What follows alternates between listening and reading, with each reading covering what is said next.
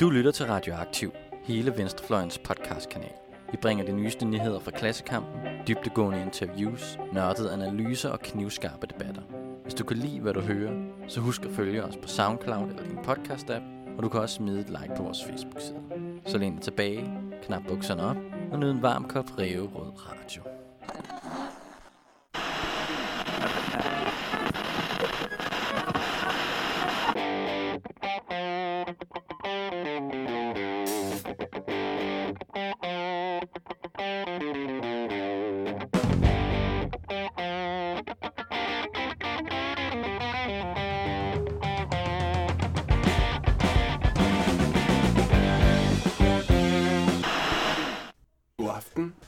Velkommen til Radioaktiv Sportspodcast Omklædningsrummet. Vi er sikre på, at øh, I nok skal få en dejlig lille times tid eller sådan noget i selskab med jeres tre ganske normale værter, som er mig, Jonas Neivelt, og ved min side har jeg Benjamin Bilde Bolsmann. Og sidst men ikke mindst, Simon Kivitz. I dag skal vi jo have vores store VAR-diskussion, fordi der er ingen tvivl om, at øh, VAR eller Video Assistant Referee har gjort sin indtog i topfodbolden. Men for ligesom at klæde jer, de kære lyttere, ordentligt på, så skal vi have så skal vi jo sættes ind i rammen for det her. Så derfor skal vi først have en cirka 40 minutters lang diskussion om objektivitet og æstetik i sport. Så det glæder vi os til. Men først, så skal vi lige høre, hvad der er sket i sportens verden siden sidst. Og Simon, har du set noget sport på det seneste? Jamen, det har jeg da. Og øh, fodbold er en sjov størrelse. Særligt øh, når det pludselig er engelske hold ude i Europa, der begynder at vinde rigtig meget. Vi har øh, to finaler i Euroleague og i øh, Champions League, som alle sammen er besat af engelske hold. Og øh, særligt i den her, hvad skal man sige, Champions League-finale, øh, består langt hen ad vejen af to øh, vanvittige comebacks, to overraskelser, i og med at øh, Tottenham scorer efter at have tabt første kamp, øh, scorer i sidste sekund målet, der får dem videre til semifinalen, og Liverpool laver et øh, øh, comeback, der sjældent er set mod Barcelona, bagud 3-0, vinder 4-0 på hjemmebane. Øh, så øh, der sker noget med engelsk fodbold for tiden, og det er ret interessant.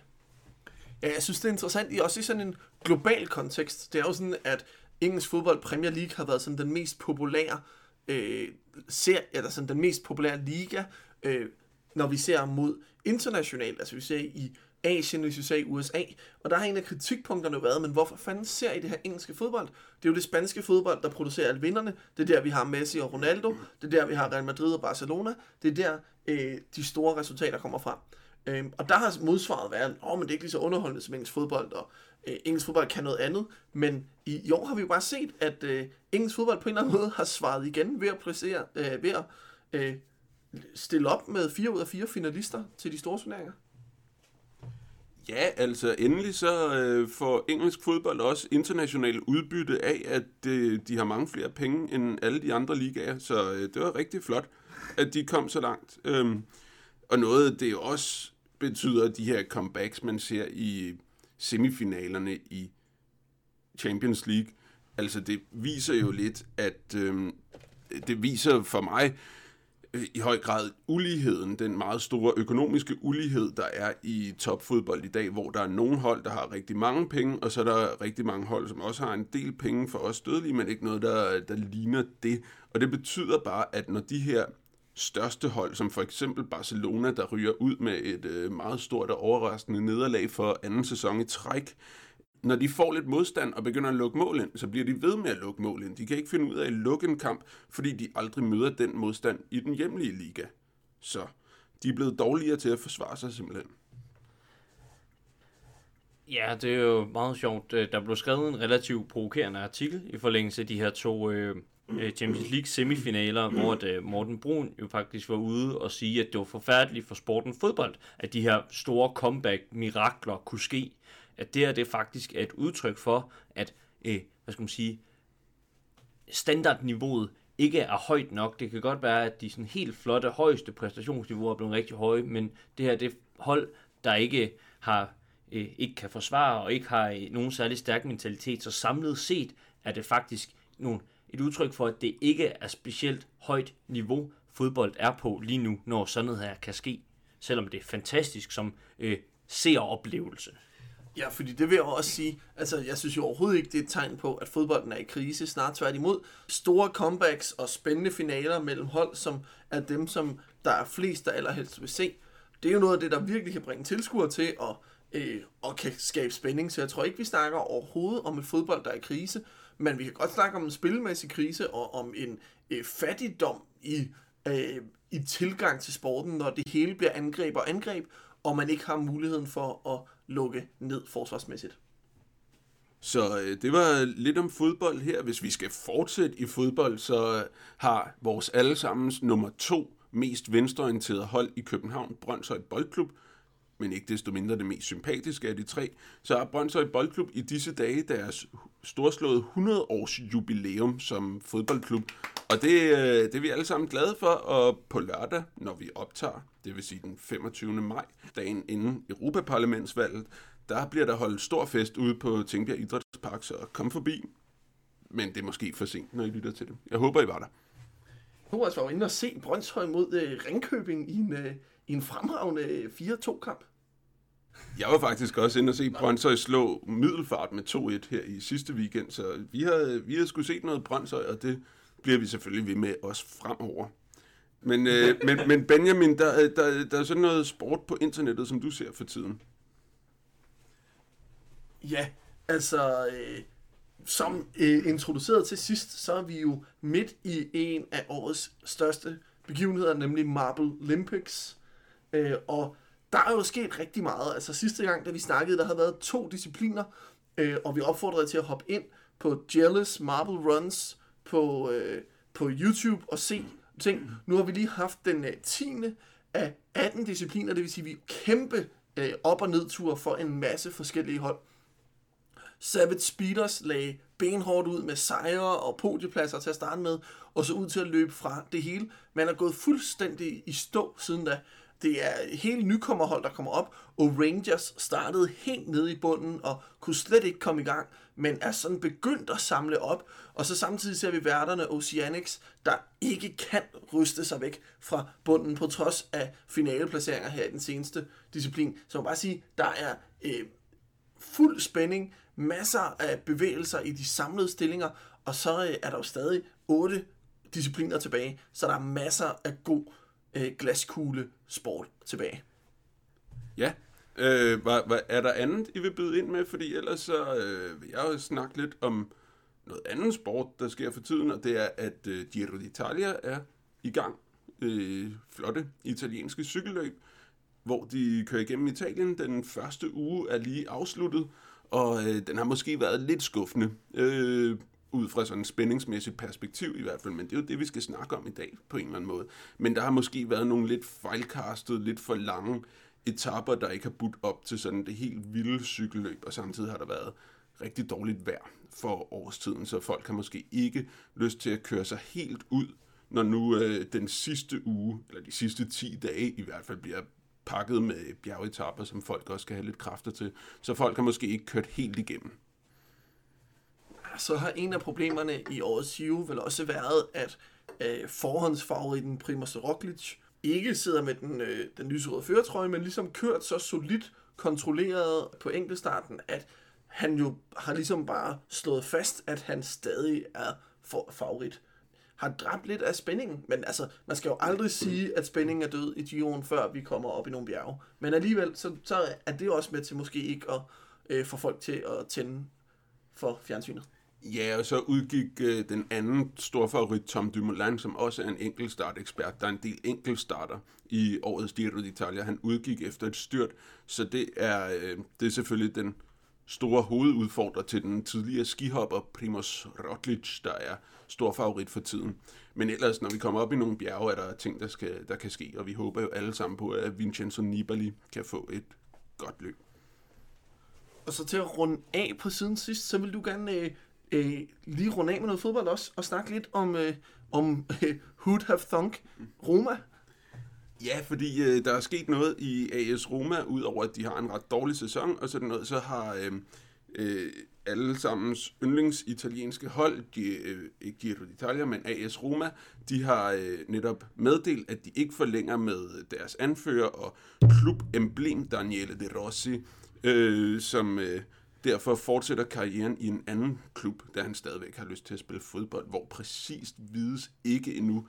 Men jeg synes, og det er folk blevet rigtig, rigtig sure over, fordi det Rossi, anføreren, er ikke blevet behandlet særlig godt i, at han ikke er blevet øh, meddelt det her, at han ikke fik forlænget sin kontrakt før her hen mod det aller sidste af sæsonen. Så det er folk rigtig sure over, og de føler, at øh, klubbens sjæl på den måde bliver taget af sted. Og på den måde så fortæller det måske noget om, at øh, Roma har nogle amerikanske ejere, som øh, kom ind i klubben øh, med, til en vis positiv øh, modtagelse, fordi folk troede, at de ville komme med noget nyt til den her klub, der måske godt kunne have brug for det. Men måske har jeg forbindelserne til klubbens bagland på en eller anden måde blevet kappet, og det er jo en spændende diskussion, man kan tage op i om øh, topfodbold i dag.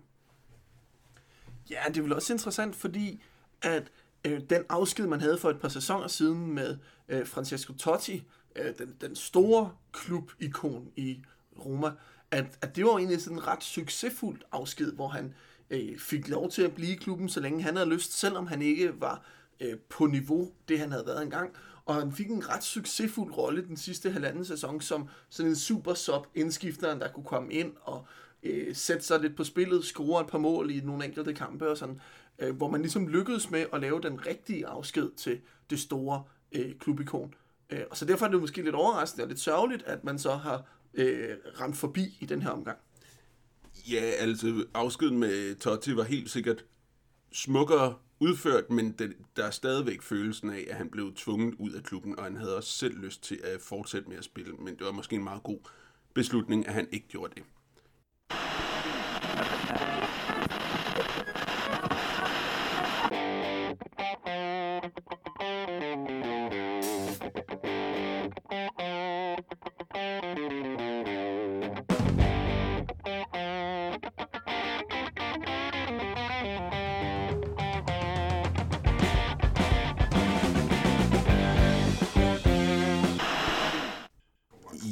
Som antydet, så skal vi jo til at snakke lidt om var og i sport i dag, men øh, som ligeledes antydet, så skal vi jo også få den her diskussion til at være inde i et større spilrum.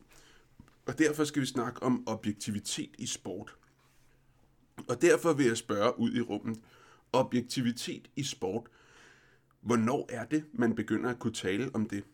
Ja, der sker, der sker en ting i løbet af 1800-tallet omkring sport, hvor det overgår fra en eller anden form for øh, struktureret, mere eller mindre øh, massebevægelse, måde at være fysisk på, til det, man kan kalde øh, den mere strukturerede, kendte, øh, disciplinerede, afgrænsede form for sport. Altså, der bliver indført nogle objektive regler. Øh, man taler meget om, at det her det kommer, det hænger sammen med udviklingen af den moderne fabrik, den tidlige industrialisering, kapitalismens øh, sejrstog over Europa, hvor at den passende form til den her fremadvoksende industrialisering, den her fremadvoksende fabrik, det er, at øh, tid, øh, rammer, disciplin skal til at indføres. Og det gælder også øh, de behov, som arbejdspladsen har, på mange måder bliver, øh, bliver, de, det bliver disciplineret ind i, i arbejderne, den almindelige befolknings øh, fritid, og det gør den via sporten. Via den her sport bliver sat i rammer, som man lærer, man mødes, man indgår på et hold, man indgår i nogle tidsrammer, og man skal score og opnå nogle objektive point på en helt anden måde. Det bliver afvejet, afmålt, ja, objektiviseret sport, slet og ret, med fremkomsten af den her moderne kapitalistiske industrisamfund. Ja, det hænger jo sammen i en større, øh, i en større historisk bevægelse, der begynder faktisk allerede, kan man sige, i oplysningstiden i slutningen af 1700-tallet med, at alting skal sættes i rammer. Og det kommer jo så i højere grad til udtryk under industrialiseringen. Det er her, i forbindelse med jernbanen for eksempel, så er det der, der bliver brug for at have den samme tid i løbet af hele vandet, fordi, i, eller hele landet. Fordi før der havde alle steder, de havde bare sit, det klokken nu var der, efter hvor solen var der, men det er først, når jernbanen kommer, at man for eksempel har brug for at have den, det samme klokkeslæt over hele Danmark. så folk kan vide, hvornår tog, toget går, sådan i store træk i det mindste.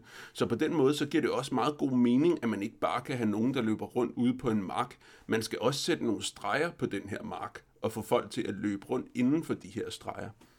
Ja, og som der bliver antydet, så afspejler det jo en, en, en industribevægelse, og en, en bevægelse, der ikke bare er færdig, når vi kommer, når fabrikken bliver opfundet. Altså, men jo øh, udvikler sig også, når fabrikken findes. Altså, man snakker om det her med øh, time management og tidseffektivitet, som er sådan en bevægelse, der kommer op i øh, USA i øh, tiden omkring 1. verdenskrig, og i Danmark kommer den, kommer den til faktisk først lige efter 2. verdenskrig, men som jo handler om det her med at tage tid på dine medarbejdere. Hvor længe er de om at løse en opgave? Find ud af, hvem er dine ineffektive medarbejdere? Skift dem ud, eller det er jo i virkeligheden forgængeren for Lean, altså det her øh, sådan, øh, senmoderne, øh, koreanske, japanske tilgang til det, hvor alt skal effektiviseres. Men den her effektivisering er jo en del af kapitalismens natur, og er en del af almindelige menneskers hverdag i byerne omkring øh, århundredeskiftet fra 1800-tallet til 1900-tallet, og bliver derfor også en del af den måde, folk tænker idrætsliv, tænker frit, altså sådan kropsudfoldelser på, tænker sport på. Det er bevægelsen fra idræt til sport, og det er jo et godt eksempel på den klassiske marxistiske idé om basis og overbygning, hvor der er nogle grundvilkår for mennesker, der så giver sig udtryk i de kulturelle outputs, den måde folk tænker på, den måde folk handler på. Og de grundvilkår, der gør sig gældende i folks arbejdsliv, de kommer så også til udtryk i folks fritidsliv. Ja, altså et meget godt eksempel, det kan man for eksempel se i Skotland, hvor man tidligere havde de her form for stærkmands sportsgren, hvor folk skulle sådan kaste med en meget stor traphæl i, i et langt, øh, så langt man nu kunne. Men der var ingen regler for, hvor stor den her traphæl skulle være. Den var, skulle bare være sådan nogenlunde lige stor, fordi det var sådan det, de traphæle, man nu kunne finde rundt omkring og havde brug for at få flyttet, så man kunne lave nogle bedre whiskymarker eller sådan noget. Men øh, når man så kommer ind i det her industrialiserede samfund, så, øh, så skal man jo, for eksempel, så går man over til noget som kuglestød, hvor de her kugler skal veje præcis det samme og have den præcis samme form, og det får jo tankerne til at flyve hen på det her lod, som er præcis et kilo, som man kan finde nede i Paris, ligesom man har længden for en meter, der ligger et eller andet sted nede i Paris, og som er ret fedt, synes jeg i virkeligheden, at man har det i Paris. Ja, og der er også bare en pointe i, hvordan får man så fat i den her kugle? Hvordan får man fat i det her spyd? Hvordan får man fat i de her øh, standardproducerede fodbolde? Men det gør man selvfølgelig ved en industriel produktion. Altså tingene hænger sammen. Det er øh, sløjfer, vi har at gøre med. Men præcis, altså igen, også bare for at omtale behovet for omkring det her. Altså, det er en relativt moderne tradition, at man som arbejder går hen arbejder fast timeslet over en måned, fem dage i ugen, et eller andet, så får man betalt sin løn. En del af den her proces for at gøre den moderne kapitalisme muligt, har simpelthen været at skulle komme ind i kroppen på folk, ind i hovedet på folk, og lære folk, at når de har gået på arbejde og fået deres løn, så dukker de ikke bare op først, når de har drukket deres løn op, Nej, det er faktisk endda sågar, den her proces har været en proces, hvor man også i perioder har hævet sine arbejder ind på fabrikken, linket dem til maskinerne for ligesom at disciplinere dem. Det her øh, mindre direkte, grofulde måde at disciplinere arbejderne ind i øh, et moderne industrisamfund på den måde, så kan man jo se, eller man kan i hvert fald sige, at øh, arbejderne bliver holdt under en øh, falsk fornemmelse af frihed, når de dyrker de her standardiserede sportsgrene, som, dyr, som dukker op i løbet af industrisamfundets fremvækst. Så, så fik vi det på det rene. Men øh, så man kan måske sige, at den mest standardiserede sport, det kunne være noget som løb, fordi der er 100 meter løb for eksempel, der er afmålt præcis 100 meter, hvor langt kan du løbe, eller hvor lang tid tager det for dig at løbe de her præcise 100 meter inden for de her præcist afgrænsede tidsrum, som vi også har lavet til jer i den her periode. Så det er måske den mest form for objektiv sport, men Benjamin, jeg ved jo godt, at så vil du måske snakke om den udelukkende, om modsætningen til det her. Ja, man kan jo snakke om, at der er nogle sportsgrene, der er rent objektiv. Altså, der er, altså, atletikken er et fremragende eksempel. Vi lover at vende tilbage med en atletikudsendelse, hvor vi går mere i dybden med det her øh, i løbet af efteråret.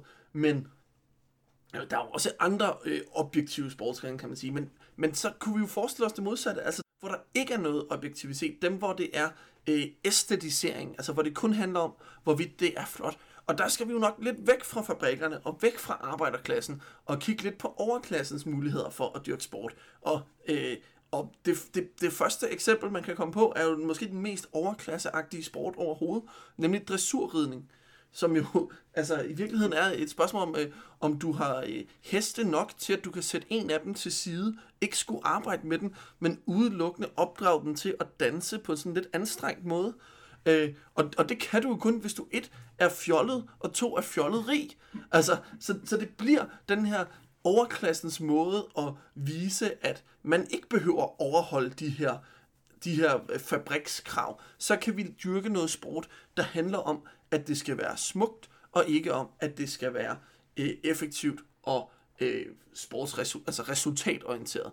Og der er dressurridning, kunstskøjteløb, øh, dans og, og tilsvarende sportsgrene, hvor vi kigger på det æstetiske, og det er jo ting, der på mange måder kan fungere, uden at man behøver at give det point.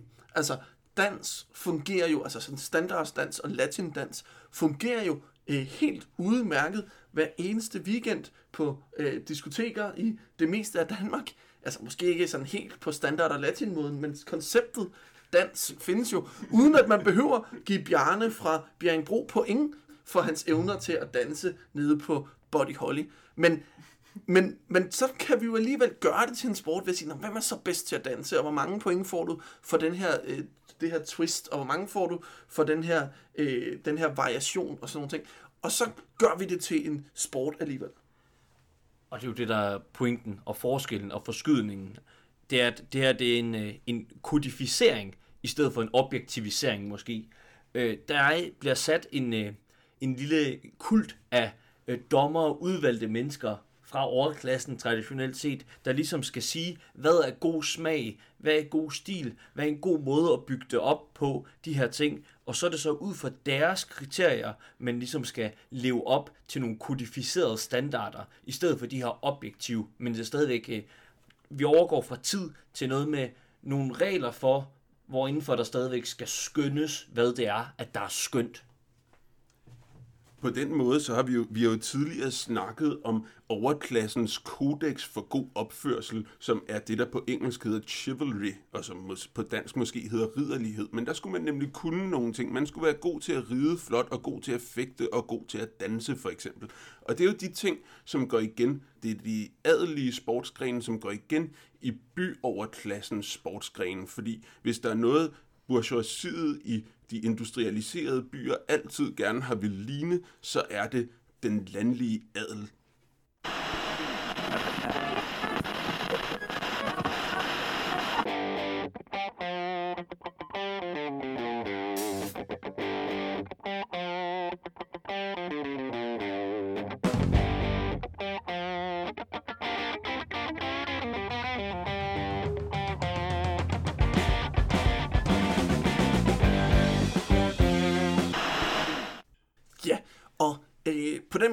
Fået præsenteret det her med det æstetiske i sporten. Men jeg synes, at det vil være for, for, for simpliceret, hvis vi bare begrænser øh, sport til enten at være objektiv sport, hvor vi kan måle, og hvor der er rammer, og hvor der er øh, klare linjer, og så æstetisk sport, hvor øh, det alt er flydende og løst og sådan noget ting.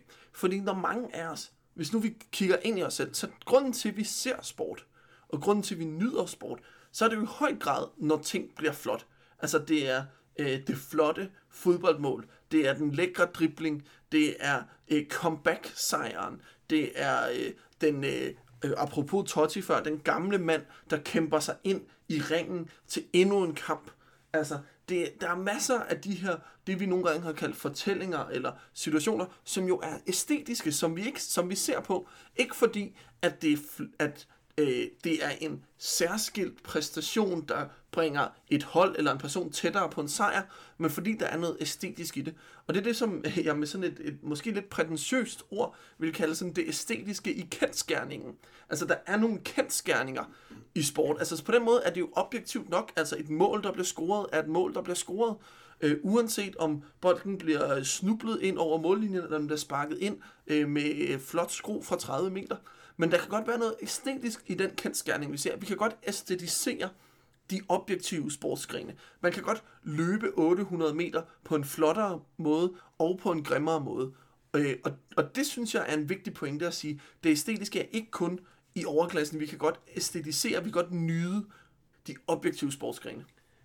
Men det der, det, der sker ved at bringe det her moment ind, det er, at øh, vi bringer et nyt øh, blik, en ny betragter ind på, hvad sport er.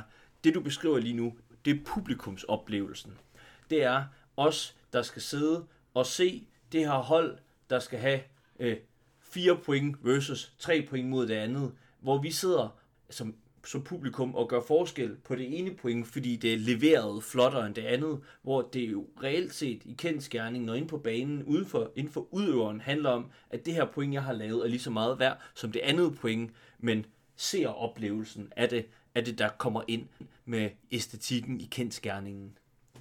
Måske er det bare et publikum til de her arbejdersportsgrene, der også stræber efter at være en del af den her adel, af det her adels øh, værdisæt om at, øh, om at sætte pris på det smukke, hvor man så bare har et andet produkt af industrialiseringen, som ikke er dem selv, men som er det, de nu laver i deres fritid, som mest handler, som blandt andet handler om at øh, sparke til en bold på en græsplæne. Og når det så bliver sat i scene for masserne, så kan nasserne, nasserne, masserne nyde det på øh, samme måde, som de adelige kunne lide at øh, se en veludført lancier, eller hvad de nu dansede dengang.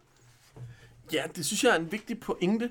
Især måske den sidste af det, du sagde, eller i hvert fald formuleret som det sidste, du sagde. For jeg synes, det, det er helt afgørende, at man ikke begrænser det for at sige, at øh, adelen har smag og kan øh, lide at se på pæne ting, og arbejderklassen, de kan godt lide objektive kendskærninger og er ligeglad med, om ting er pænt. Altså sådan tror jeg ikke virkeligheden er. Der er, jo, altså, øh, der er ingen tvivl om, at øh, arbejderklassen øh, og arbejdere har synes godt om kønne ting.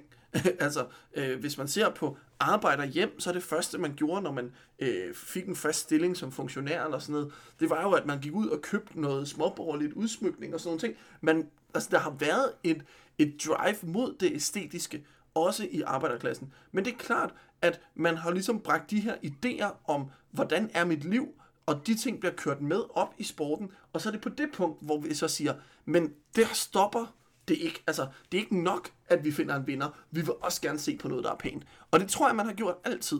Altså, øh, der, vi, man kan sagtens kigge på, hvad, hvad er det flotteste fodbold og sådan noget, men, men når folk har holdt af øh, for eksempel sådan en som øh, øh, Fausto Coppi i øh, 40'erne og 50'ernes Italien, og den måde, han cyklede på, øh, så var det jo ikke kun fordi han vandt og lavede objektive resultater. Det er også fordi, han gjorde det på en, på en ekstraordinær måde.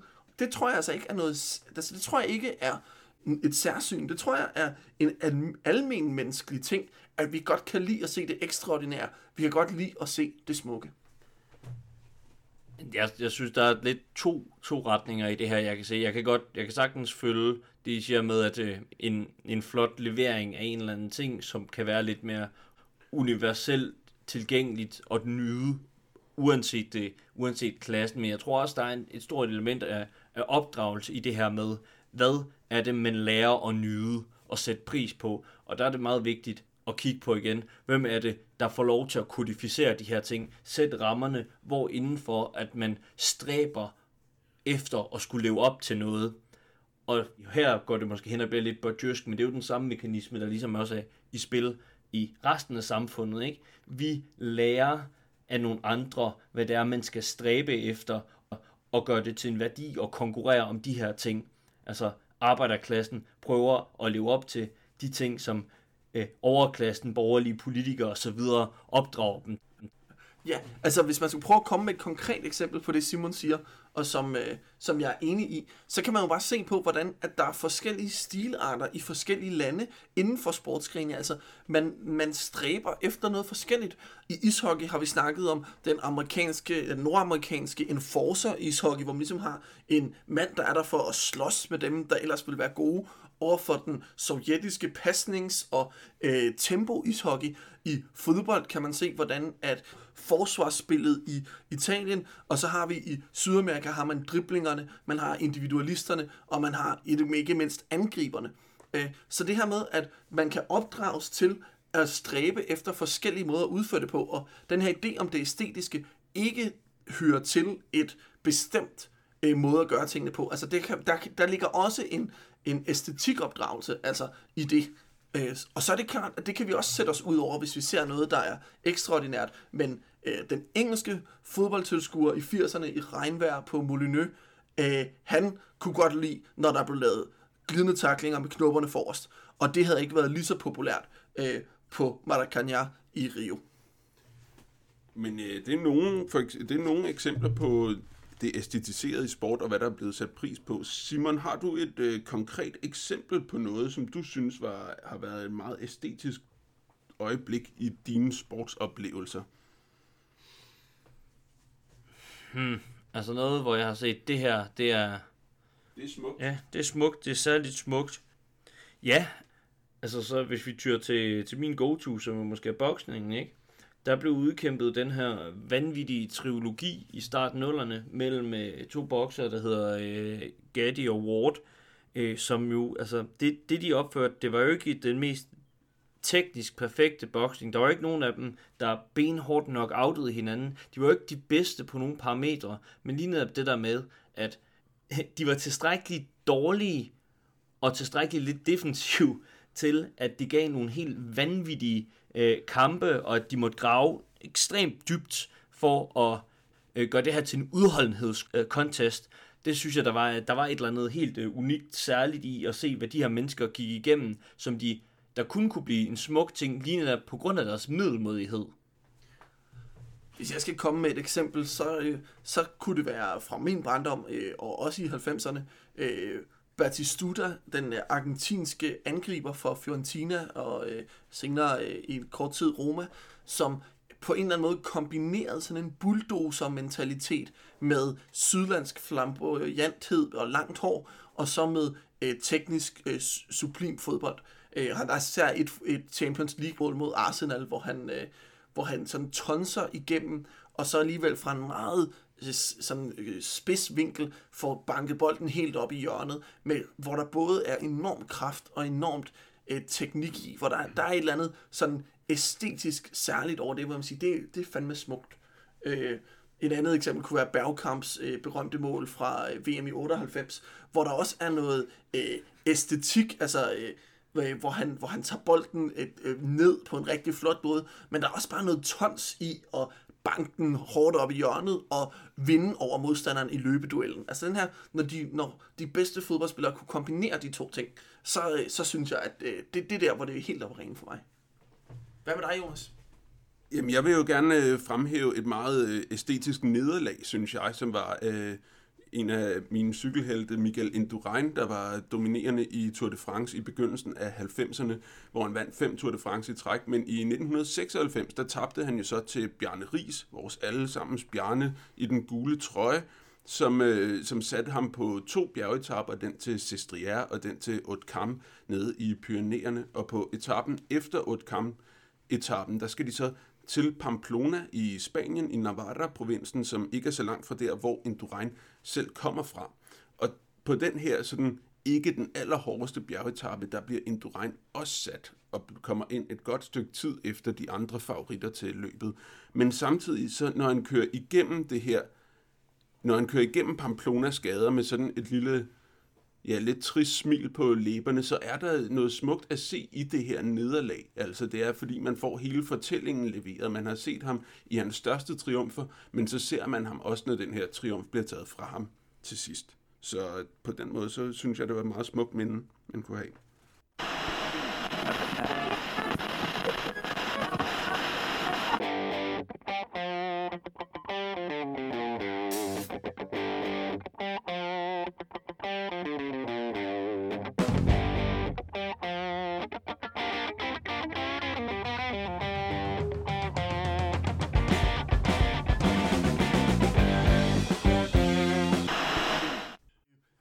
Gå lidt videre, så har vi jo for sådan, øh, forsøgt nu at tale det æstetiske ind i de objektive sportsgrene. Men det er jo også en bevægelse, der går den modsatte vej, altså hvor man indarbejder det objektive i de æstetiske sportsgrene. Hvis jeg kommer med et eksempel, før jeg lægger den videre til Jonas, så vil det være sådan noget som udspring, hvor, øh, øh, som man måske har set til OL eller VM i, øh, i svømning og udspring, men hvor det er sådan, at man på forhånd siger, det her øh, æstetisk smukke vil jeg gerne udføre, og så får man øh, en vis multiplikator for, hvor svært det, man gerne vil gøre, er. Og så får man point for, hvor godt man udfører det, man gerne vil gøre, og så ganger man de to tal med hinanden, og så får man det resultat, man nu, øh, man nu ender med. Sådan så, at man på en eller anden måde får indarbejdet øh, det objektive i det æstetiske. Så, så vi ender med de her øh, blandingssportsgrene på en eller anden måde, hvor vi aldrig har den, den ægte, rene æstetik som sport, fordi det jo ikke er sport. Men vi har heller ikke den rene objektivitet, måske. Du har et eksempel på, på Simon har noget. Ja, det er jo det er lidt i den samme dur, men, øh, men også i den her modsatte, modsatte bevægelse, hvor det er øh, den grundlæggende æstetiserende sport, der bliver udfordret ved, at der kommer et målbart atletisk element ind, som ligesom bryder med kodexerne. Vi talte i sidste udsendelse om hende her Surai Bonali, kunstskøjteløberen, som jo ikke øh, levede op til de her rene, smukke løb, men tog gymnastikken og tog de her kraftspring ind i den øh, grundlæggende æstetiske sport, men hvor det var, at hvad skal man sige, den her kodificering ligger så hårdt over, så man kunne ikke anerkende og acceptere det ekstraordinære i det atletiske objektiv, der blev bragt ind. En lidt ensartet fortælling kan man jo finde i en anden af omklædningsrummens go-to sportsgrene, som selvfølgelig er skihoppet.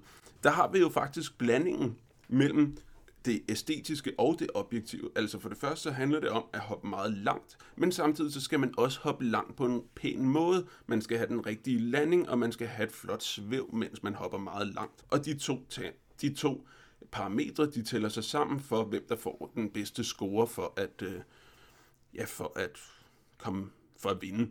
Øh, men der var faktisk en, øh, Sunai Bohalis skikkelse i skihoppen, som var vores øh, allesammen svenske Jan Boklöv, der i 80'erne revolutionerede skihoppet ved at begynde at hoppe med en V-form på øh, sine ski, i stedet for at have dem stående vinkelret ud i luften, som I helt sikkert kan huske fra vores skihopsafsnit. Øhm, og, og på den måde så blev dommerne, dommerne havde det, de kunne ikke fordrage det, men på den anden side hoppede han så langt, at han faktisk ophævede de, de æstetiske parametre i skihopsporten, og kunne komme så langt på, øh, på øh, ren længde i hoppet. Og det gjorde jo så, at dommerne blev nødt til at tage, det, at tage Jan Bogløbs stil med så, og acceptere det som et æstetisk element i den her blandingssportsgren. Og hvis nu vi skal gå lidt tilbage til der, hvor Simon han sagde før, det vi kigger på nu, sagde Simon tidligere i udsendelsen, det er tilskuerens vinkel, så er vi jo nu hos udøverens vinkel. Det er udøveren, der træffer en afgørelse for afvejning mellem æstetik og effektivitet, mellem resultater og skønhed. Og det er jo i hvert fald et, et andet perspektiv, man kan arbejde med i den sammenhæng.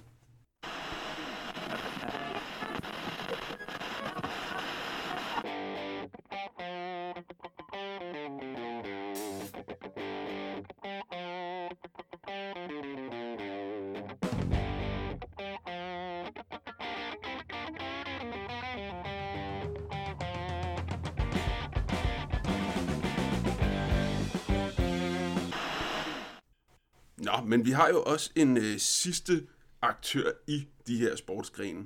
Den, som faktisk skal vurdere, hvilke objektive og til dels æstetiske kriterier, om den udøvelsen af sporten lever op til de her kriterier. Og det er jo dommeren. Så har vi, kan man sige, der også er et dommerperspektiv på sportsgrenene. Det kan man. Jeg vil køre to vinkler ind øh, på det her dommerperspektiv. Vi starter i den mere åbenlyse, øh, som er boksningen, hvor det, jeg synes, at det, det her mellem, øh, mellem skøn og mellem øh, afmålthed har et sjovt samspil, fordi det er faktisk det er jo 12 omgange, hvor der sidder tre dommer, som skønner ekstremt forskelligt. Det er ikke sådan nogle fastlagte kodificeringer, som der er i de her mere æstetiske kunstskøjteløb og så videre, hvor man ved, hvad man leder efter og sætter pris på. Her er der faktisk dommere, der i ekstremt høj grad dømmer forskelligt og giver sejre til den ene og til den anden og uafgjort imellem på baggrund af, at man værdsætter forskellige ting i en boksestil. Øh, det synes jeg er relativt, øh, er relativt unikt og gør det til en meget uhåndgribelig og meget nemt at korrumpere sport derudover. Men det har jo så den befrielse, at man kan tage dommerne ud af spillet, tage magten i egen hånd ved knockout-slaget, som er den her objektive afslutning på kampen, hvor de her dommer skøn bliver gjort ligegyldige. Deres bedømmelse af ens indsats bliver gjort ligegyldig. Men det, jeg synes, der er sjovt at se på, hvor det helt objektive på en eller anden måde faktisk øh, får nogle skønt elementer ind i sig, er øh, dommerrollen i fodbold. For det handler jo ikke bare om at dømme et frispark, når der er frispark, dømme et indkast, når der er et indkast. Faktisk det der med at ligge en linje i en fodboldkamp, er en er langt hen ad vejen øh, også en æstetisk dom. Ja, altså man snakker om det her med, om dommeren dømmer hårdt, eller dommeren han øh, lader spillet køre videre, hvor man kan sige, at en, en dommer, der, der dømmer alle overtrædelser, vil også være en dommer, der på mange måder begrænser muligheden for, at spillet kan fungere. Hvorimod en dommer, der ikke dømmer nogen overtrædelser, jo på samme måde kan sige så begrænse muligheden for, at spillet fungerer, fordi man lige pludselig lader overtrædelsen øh, træde i karakter. Så det er jo afvejningen mellem, om, om, det, om der skal være et flow, et flydende spil, eller om øh, man skal have retfærdighed og objektivitet. Og i den afvejning, der foregår jo en hel masse små afgørelser. Og jeg synes, det er et klassisk eksempel, og et eksempel, der måske kunne give rigtig god mening at hive fat i her, det er det her med fordelsreglen i fodbold. Altså det her med, at hvis der bliver begået et frispark, men øh, man synes, at måske kunne det hold, der bliver begået frispark mod, have en fordel af, at spillet kører videre, så har man ligesom valgt at sige, så skal vi, så, så prioriterer vi flow over retfærdighed. Og, og det skaber jo en, en, en interessant dynamik, hvor dommeren lige pludselig spiller en rolle, som også er æstetisk. Og for mig at se, så er dommeren, det ligger måske også næsten i, i ordet dommer, kommer til at være en medierende faktor mellem sportsudøverens udøvelse og øh, tilskuerens oplevelse af sport. Fordi at men vil selvfølgelig på sin vis gerne gå ind og dømme efter de her objektive, rene, klare kriterier, så øh, resultatet af en dom bliver så retfærdigt som muligt, men på den anden side, så vil man også lade forskellige typer fodbold øh, køre og ikke køre ved at lægge en linje. Og det gør jo faktisk også, at man på en eller anden måde øh, har en tendens til at favorisere nogle typer fodbold. Jeg synes ofte, vi ser det i de her store internationale turneringer, hvor at, øh, der bliver dømt rigtig mange frispark, hvor spanske hold er med for eksempel, som man ikke er vant til fra engelsk fodbold, fordi at øh, man prøver at dømme efter en linje, hvor man lige vil lade spillet køre, og dermed så favoriserer man de her hold, der holder bolden ved jorden, som står i kontrast til den her form for engelske, hårde, taklende, fysiske fodbold. Så det er jo faktisk en måde, hvorpå at nogle skøn, skønsninger om, hvad der er smuk fodbold for, en, for tilskueren, kommer til at have en, øh, en ret stor indflydelse i virkeligheden på, øh, hvordan man kan udøve fodbold bedst muligt. Vi har også set det i forbindelse med noget, vi har diskuteret tidligere, nemlig Serena Williams og hendes sager fra US Open, hvor hun to gange har øh, gået fuldstændig amok over øh, dommerkendelser i finaler eller semifinaler i US Open, hvor, øh, hvor man kan sige objektivt set, så er det jo rigtigt, at hvis man overtræder på en anden serv, så skal der dømmes fejl, og så får, den modsatte, altså får modstanderen et point. Og hvor et af argumenterne har været sådan, ja, men vi skal ikke afgøre et parti på overtrådt med 3 cm. Så må vi sætte det objektive til side for at give både spillere og tilskuere det, de gerne vil have, nemlig spil om sejren det er jo den ene vinkel, og den anden vinkel, øh, som øh, der overhovedet ikke skal være nogen hemmelighed, jeg er på, er at sige, at hvis ikke man vil idømme straf for at overtræde, så er der jo en rigtig nem måde at undgå det på, og det er jo ved at lade være med at overtræde, og at det jo er hendes egen fejl. Men der er helt øh, rigtig mange, der kører forsvarsstilen over for Serena Williams her og siger, nej, det handler om at lade spillet spille. Vi vil hellere se tennis, end vi vil se dommer. Og med disse ord kommer vi så nødvendigvis ind på vores diskussion om Video Assistant Referee eller VAR.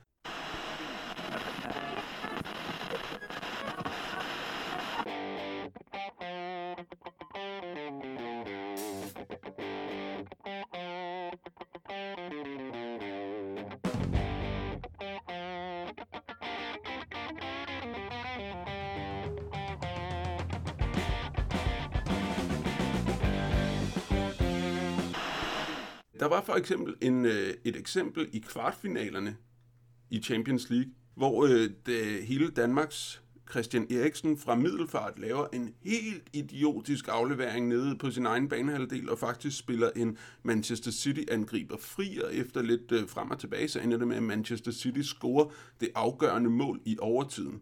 Troede man, fordi det gjorde de jo ikke, da øh, Christian Eriksens fejlaflevering havde ramt en Manchester City-spiller på vejen, og den, der som modtog afleveringen, stod offside i de her øh, i gengivelserne, og derfor så blev målet annulleret, og der blev ganske korrekt dømt offside. Og det er jo et, øh, et meget øh, nyligt eksempel på, at det har været en, øh, en dommerkendelse, endda en dommerkendelse, der er blevet lavet om på grund af bedre bevisføring, der har afgjort en øh, meget vigtig fodboldkamp. Så øh, hvad synes I om det? Traditionelt set, så har man jo lagt ud til, at øh, der står en dommer på sidelinjen, der skal afgøre en offside-kendelse og skal gøre det prompte. Det kan man se med det her var, at øh, de er blevet instrueret i dommerne. Hvis der er store tvivlsspørgsmål, så lader man den hænge. Vi har talt om forskellige perspektiver i dag. Vi har udøverens perspektiv, øh, objektivitetens perspektiv, og, og så det her, hvad skal man sige, øh, det her tilskuerperspektiv. Den er- erkendelse, jeg fik, da jeg så den her fodboldkamp, og for guds skyld, I skal vide, jeg håbede rigtig meget, at City ikke gik videre, men jeg synes, der var et eller andet, der ødelagde oplevelsen fuldstændig for mig. Ødelagde det umiddelbare fanoplevelse ved fodbold, ved at jeg skulle gå og vente øh, 45 sekunder, et minut, vild forvirring, masser af lange jubelscener, der først rigtig sent bliver stoppet, inden at man går i gang med den her langsomlige proces, hvor dommeren skal ud og se det her. Øh, jeg synes, det er at tage pis på mine umiddelbare følelser som fan, og jeg synes, det er det, der er med til at give det den her masse værdi, øh, som sport har, at de her øh, følelser er meningsfulde og noget, man reagerer på, og ikke noget, man skal sidde og holde i ave, og så vente i to minutter, og så juble, og så ikke juble, og så juble igen. Jeg synes, det er alt ødelæggende for min oplevelse. Et modargument, det kunne jo være, at det ikke handler om dine følelser, Simon. Altså, det, øh, det, det, jeg ser det lidt som, øh, når, når jeg går til, til C.V. Jørgensen-koncert, som jeg gør tit, så, øh, så, så, så, så kan jeg jo heller ikke lide dem, der står inde og bare håber på, at han spiller Costa del Sol. Fordi når man går til en koncert, så betaler man for at høre det, som den pågældende kunstner nu har tænkt sig at spille.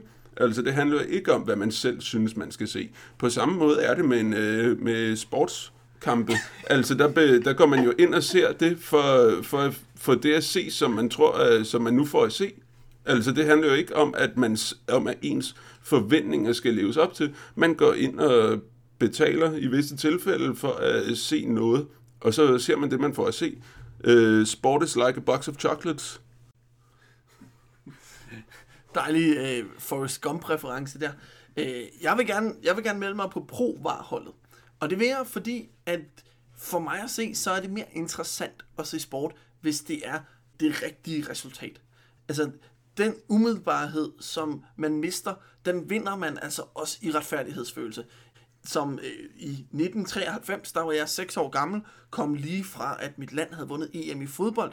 Jeg var rimelig vild med fodbold på det tidspunkt, og Danmark spiller en VM-kvalifikationskamp mod Spanien, hvor Peter Schmeichel helt åbenlyst ud fra alle kriterier bliver begået frispark på. Det bliver ikke dømt, Spanien scorer, og Danmark kommer ikke med til VM i 94 i USA. Og der må jeg sige, altså, der vil ikke være, det er ikke sådan, at min umiddelbare oplevelse af situationen, hvor Peter Smeichel fik et knæ i ryggen, blev ødelagt af, at der ikke blev kigget igennem på video bagefter. Nej, der blev den oplevelse, jeg havde af sport, som en retfærdig øh, begivenhed, hvor der er regler, og hvor reglerne skal overholdes, den, den blev udfordret. Og det havde været federe for mig, at Danmark var med til VM i 94, i stedet for at jeg skulle sidde i et sommerhus i Frankrig og se på øh, Irland spille halvsløjt igennem et gruppespil. Ja, Og så er vi nok ude i, at den her diskussion jo i virkeligheden bunder i nogle, nogle forskellige ting. Forstået på den måde, at øh, når du sidder og, og fremhæver de her oplevelser, så er det lige netop fordi, at du øh, foretrækker den her retfærdighedsfølelse, øh, og, og jeg står på et, øh, på et, et umiddelbarhedsniveau, hvor jeg vil, have, jeg vil have lov til at være i øjeblikket og nyde det, og jeg synes, der er et stort argument for, når vi alligevel er 50.000 fans, der står ude på stadionet, og vi er millionerne af seerne rundt omkring, så handler det her altså ikke længere kun om den her øh, øh retfærdigheden skal fyldes over for de her sportsudøvere, der bevares, har brugt det meste af deres liv på at perfektionere det, de engang gør. Men det er sat ind i en ramme, hvor det er, at de kun er en brik i spillet, og jeg synes i hvert fald, det er værd at anerkende den her fan-oplevelse. Hvis man ikke gør det, så kan det også have ekstreme konsekvenser for sporten. Og her vil jeg gerne trække øh, et curling-eksempel Ja. fra, øh, fra tilbage i 80'erne. Der skete det, at øh, curling overgik fra at være sådan en, øh, vi er nogen, der står med en bajer, vi er lidt småtykke, vi spiller og hygger os, sådan som man forestiller sig dartudøver er. Pludselig så kommer der folk, der tager det her alvorligt som en sport, som en videnskab, der finder ud af, at de kan snyde spillet. De kan finde ud af, at den mest effektive måde, hvis de lærer at slå stenen væk i hver ende, så er de mere præcis i sidste instans til, at hver ende går et point i en hold, et point i det andet hold, et point i en hold, et point i det andet hold, men det andet hold ikke kan slå sten ud med samme effektivitet som dem. Det gør det til en frygtelig, frygtelig seeroplevelse, og som konsekvens blev man nødt til at indføre nye regler, nytænke, hvordan øh, curling i det hele taget skulle spilles, fordi at det her fanperspektiv blev, det blev for destruktivt at opleve. Så derfor så synes jeg ikke bare, man kan underkende det her fanperspektiv. Men der, der kan modargumentet så være, at det aldrig rigtig er gået ud over dig, Simon.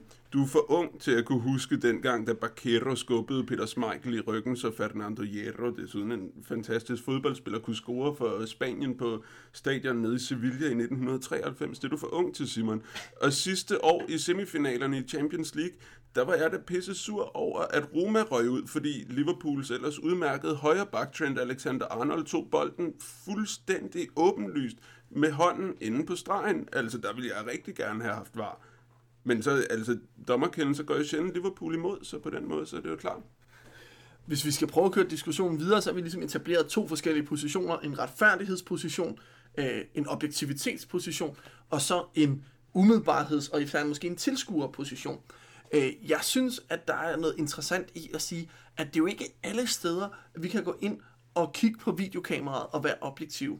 Kan vi kigge på videokameraet og være objektive for at se, om der i virkeligheden var fordel, eller om det havde været bedre at få frisparket 30 meter uden for felt, eller sådan, øh, 30 meter fra målet. Det kan vi jo ikke vurdere med tilbagevirkende kraft. Så sent som i går, der tabte øh, Chicago Cubs, mit baseballhold, vi tabte en kamp til øh, Washington Nationals på øh, en vurdering af, hvorvidt at en baseballspiller havde gennemført sit sving, eller han havde nået at stoppe sit sving. Det er en skønsvurdering, som øh, kommer an på rigtig mange forskellige kriterier. Jeg synes, der var ingen tvivl om, at Andrew McCutcheon han havde gennemført sit sving. Selvfølgelig skulle være striket out, og Cubs skulle have vundet. Men det dømte dommeren ikke. Så kom han frem på første base, og så endte han med at score, så der kom forlænget spil, spilletid eller ekstra innings, og så vandt Philadelphia Phillies. Men det er bare for at sige, der er jo nogle skønt situationer, som vi ikke kan tjekke efter på kamera. De steder, hvor vi, der er en grund til, at vi har en levende dommer. Og det bliver lidt mærkeligt, synes jeg jo også selv, de her gange, hvor VAR så kan gå ind og dømme på fire ud af fem tilfælde, men er, kan ikke dømme på den sidste femtedel. Skaber det ikke en eller anden form for en mærkelig dynamik? Det kan jeg i hvert fald mærke, det gør lidt for mig, selvom jeg er på retfærdighedsholdet. Et eksempel på det, du taler om, er den diskussion, der var i forlængelse af VM i fodbold her i sommer. De her øh, hands, der blev dømt, måske også lidt af den her bold, som Trent Alexander-Arnold havde, der er vi jo igen ude i selv på langsom gengivelse set på film, skal dommeren jo lige netop stå og skønne, hvor, hvor stor en chance denne spiller har for at ikke at blive ramt på hånden. Og det giver jo igen, kommer vi ud i sådan en pillen løg ind til et løg, der ikke har nogen kerne diskussion. Der er måske ikke øh, fuldstændig klare, objektive ting at finde, og så er det spørgsmålet om, hvor meget mere retfærdig versus hvor meget følelse, umiddelbarhed det her, det tager ud af det. Jeg synes, det her det er målt op i. Og jeg synes ikke, den her objektivitet, altså klart, den ligger der på offside, og de findes på mållinjeteknologi. Der synes jeg, øh, ja, hvis man kan gøre det her langt mere effektivt på offside, det tror jeg ikke, man kan, så, så kunne jeg se en fordel i det. Men når det er den her langsomme proces, så gider jeg ikke. Mållinjeteknologien, det er fint for mig. Men hvis vi skal finde et sted, hvor objektiv, øh, effektiv sport og æstetisk sport virker rigtig godt sammen, så kan jeg anbefale jer øh, i disse dage, I tænder for VM i ishockey, som også er i gang. Det har vi vist ikke snakket om i begyndelsen, fordi øh, der er Rusland, mens vi indspiller det her, ved at rundbarbere Sverige, og jeg har set et par af deres kampe før, og det er helt vildt smuk ishockey, de spiller. Det er som at se Sovjetunionen, når man ser nogle klip af dem tilbage fra 80'erne. Det er fantastisk at se. Så tænd for VM i ishockey og se Rusland. Måske kan I nå det, mens VM i ishockey stadigvæk er i gang. Og når I har set VM i ishockey, Marble Olympics og hvad der nu ellers, Champions League finale, Det glæder vi os til. så bliver det snart tid til at høre fra os igen. Vi kommer med en ny udsendelse om øh, cirka fire uger, og der kommer vi med rigtig gode bud på jeres læsning til sommerferien, fordi der skal vi nemlig snakke om sportslitteratur. Så glæd os til at høre tre akademikere snakke om bøger, der handler om sport. Så vi siger mange tak, og vi håber, at folk lægger mærke til, at øh, trods at bølgerne går højt herinde nogle gange, og der er uenigheder, så kan vi alle sammen samles om, at der ikke er noget smukkere end sovjetisk sport.